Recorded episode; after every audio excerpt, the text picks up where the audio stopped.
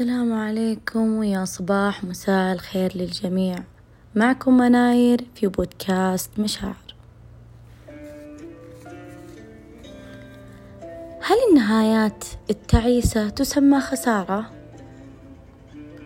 قرأت مرة في رواية أن الفتاة بكت وقالت في حزن قد انتهى وهذه خسارتي الثانية. وقفت قليلا أقرأ كلمة خسارتي. لماذا النهايات التعيسة تسمى خسارة؟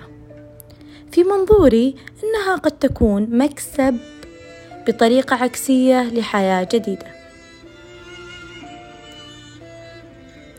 قد تخسر أبواب وتتسكر لترى الأخرى المفتوحة. وتخسر أشخاص يتسع المجال لأشخاص آخرين أجمل وأروع.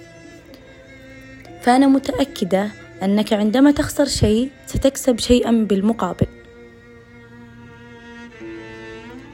قد تكون خسرت علاقة مؤذية لتكسب نفسك وقد تكون خسرت وظيفة لتطور من نفسك وتكسب أخرى تناسبك.